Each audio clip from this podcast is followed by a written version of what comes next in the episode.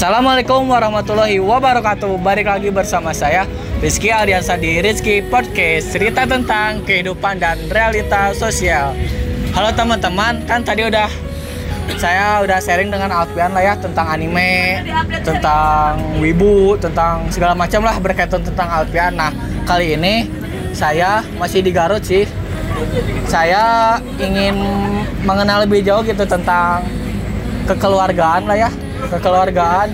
Gimana sih? Karena kan ai saya mah gitu umur masih muda masih buta lah tentang keluarga kayak gitu.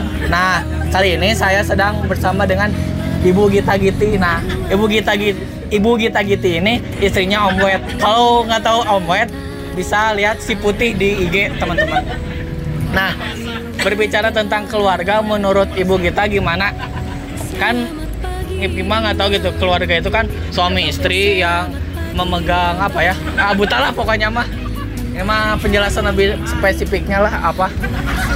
Keluarga maksudnya yang kayak gimana ya keluarga keluarga bebas. Nggak ini mah.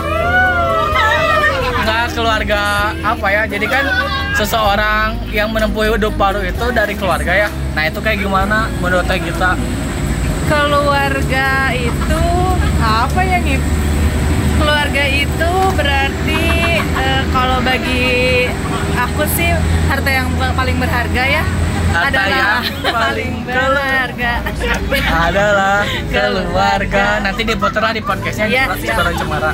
Nah terus apa lagi? Uh, berarti uh, pencetak uh, generasi keluarga itu tempat kita pulang tempat kita pulang maksudnya itu kayak gimana? Jadi mau sejauh apa pun kamu pergi, pasti pulangnya kan ke keluarga lagi. Mau sebaik apa pun teman kamu, pada akhirnya nolongin ke keluarga.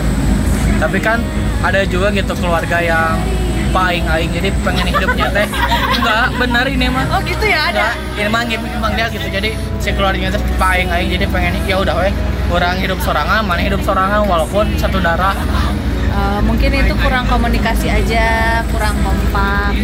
Atau mungkin berarti uh, ilmu keluarganya kurang. Apa? Ilmu berkeluh tentang keluarganya mungkin kurang dipahami. kurang dipahami. Ya. Berarti misalnya kalau ingin mendapatkan ilmu keluarga itu lebih mempelajari tentang kayak gimana kayak gimana gitu?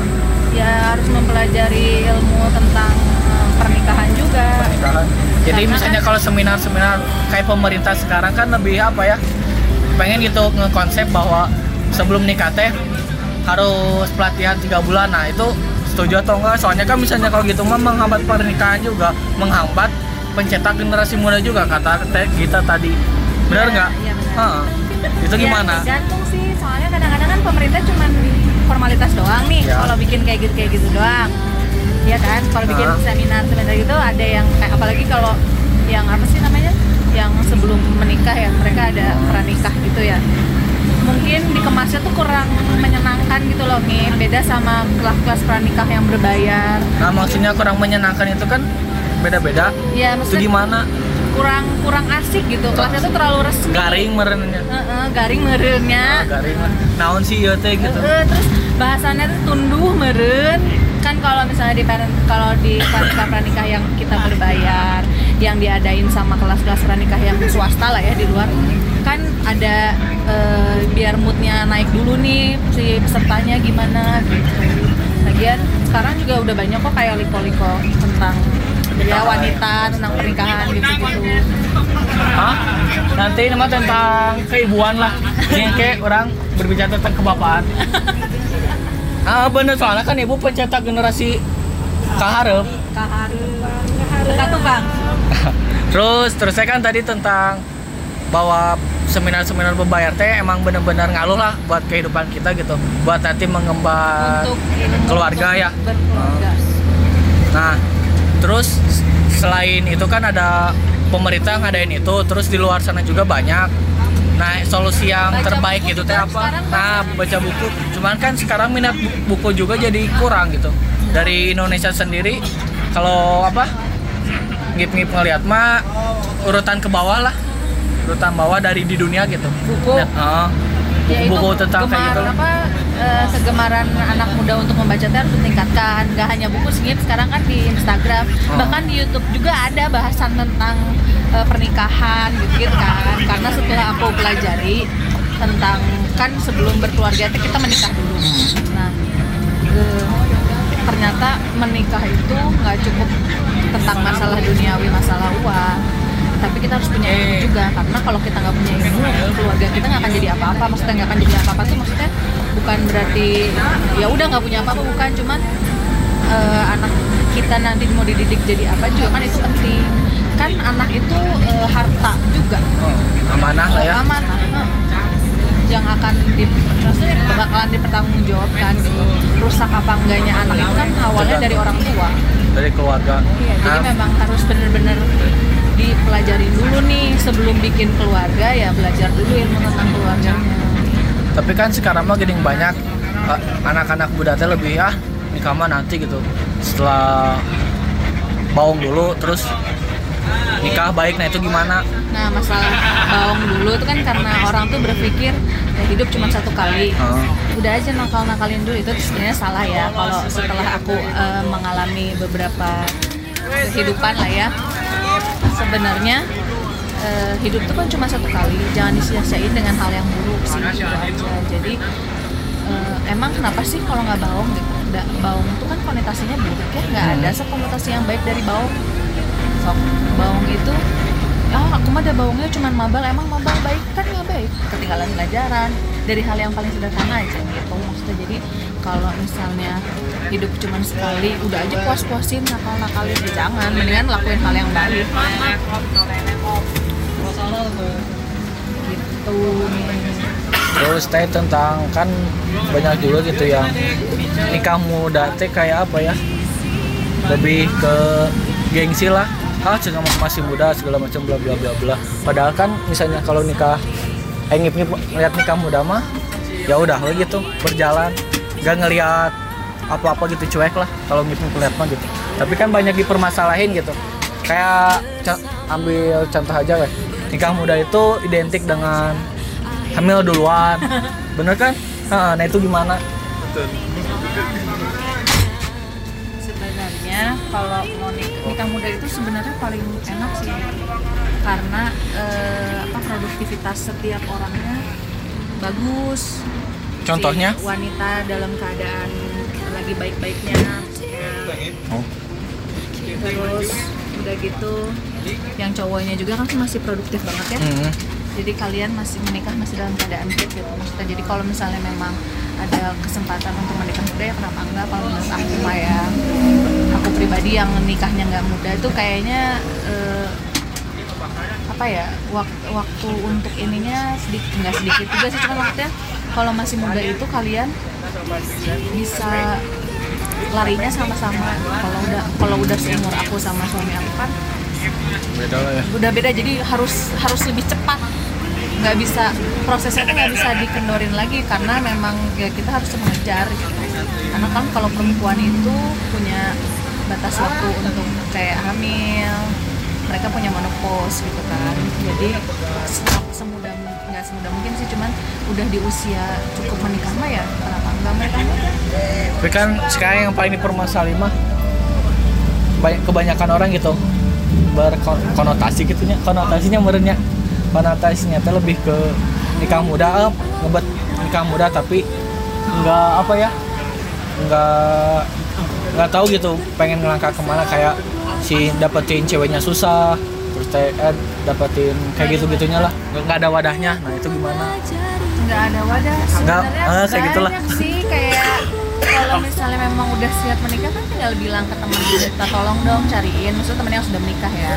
Kalau dalam konsep eh, Islam eh, kita itu boleh dicumblangin sama orang yang sudah menikah lagi kan. Biar nanti komunikasinya terjaga kan bisa ngip-ngip tinggal hubungin or- teman ngip-ngip yang misalnya udah menikah. Ada nggak temennya yang mau menikah? Saya udah siap masalah muda. Ya maksudnya masih muda ya jangan takut gitu. Asal itu dibarengin dengan cari ilmu. Karena ya itu nikah itu bukan cuma masalah eh, besok makan apa nanti anak udah bisa lulus sekolah di mana. Cuman kan masa di luar itu banyak banget gitu masalahnya. Bukan masalah ya sih cuman lebih ke hal-hal keterampilannya gitu. Jadi bukan kita mau tinggal di mana nih? Bukan hanya itu doang. Ada yang lebih lebih ribet lagi dari itu. Makanya kenapa ya tetap kalau nikah muda tapi nggak dibarengin ilmu atau nikah nggak muda nggak dibarengin ilmu ya sama-sama gagal sih Nah, benernya. Terus teh kan banyak juga gitu. Permasalahan apa ya? Permasalahan keluarga kan ba- banyak gitu. Ngelihat pernikahan teh kayak ah cina nikah nggak nikah juga nanti juga pisah. Nah itu gimana? Maksudnya teh ya misalnya kalau kita ambil contoh ya ambil contoh misalnya yang orang-orang yang belum paham gitu. Ketika pacaran putus terus nikah cerai kan sama aja. Nah itu gimana? Sebenarnya inti dari pernikahan itu tentang komunikasi sih. Jadi kalau aku tuh diajarin sama ustazah aku sebenarnya setiap orang itu punya bahasa cintanya masing-masing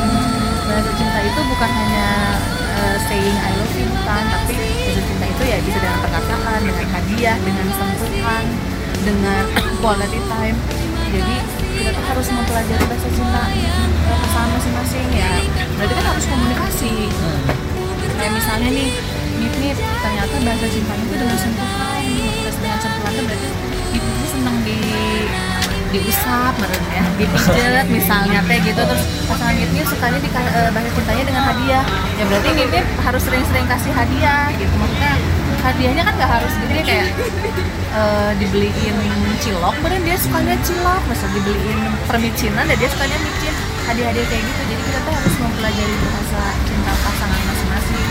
Jadi kalau kata Salim Alfira kan waktu itu eh, pelaj- apa namanya cintailah pasanganmu eh, sesuai apanya ya? Apa sih mbak? Kalau Ustaz Salim kan mencintai pasangan itu jangan sesuai dengan kamu.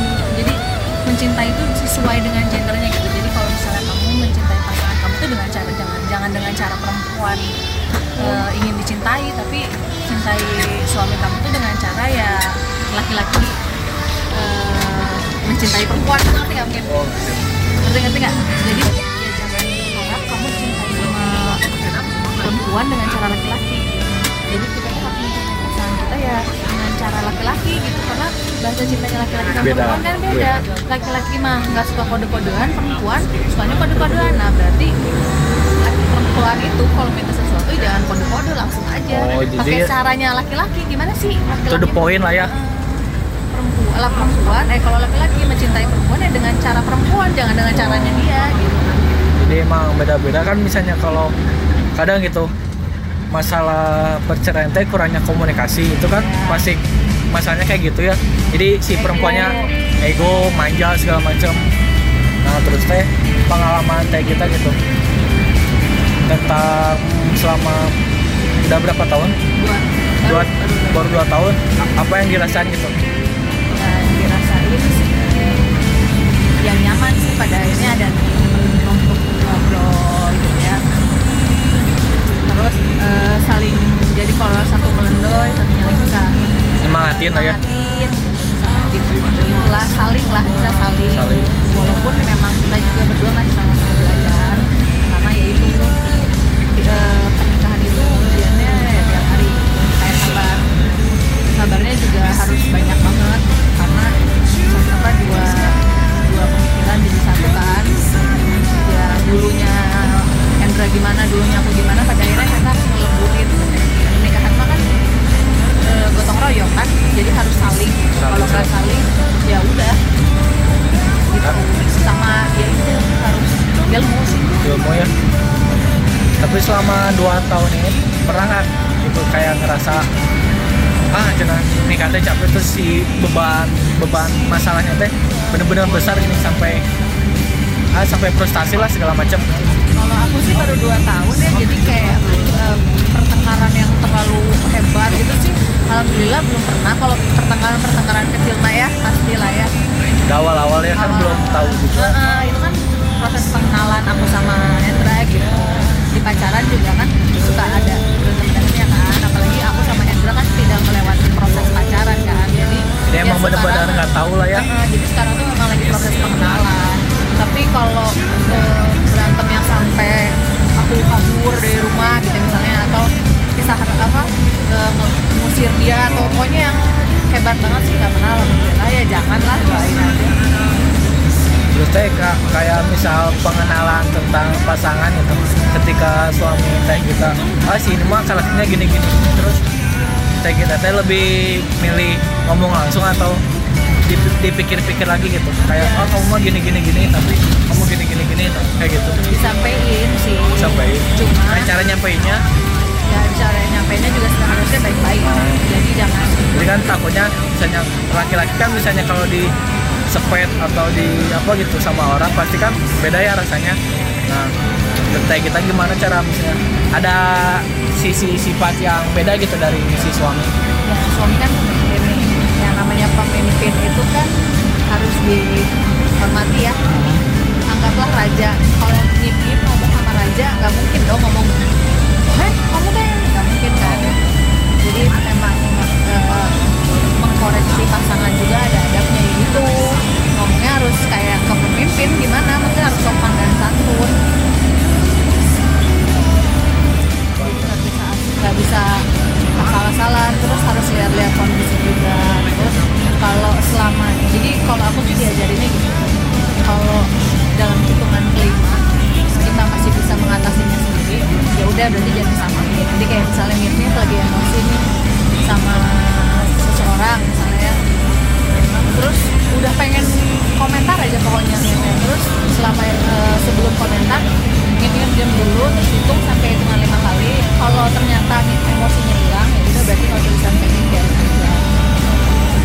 cuek lah ya. Ya udah eh, berarti ya udah masih bisa diatasi sama diri sendiri. Kecuali kalau nggak bisa sama sekali.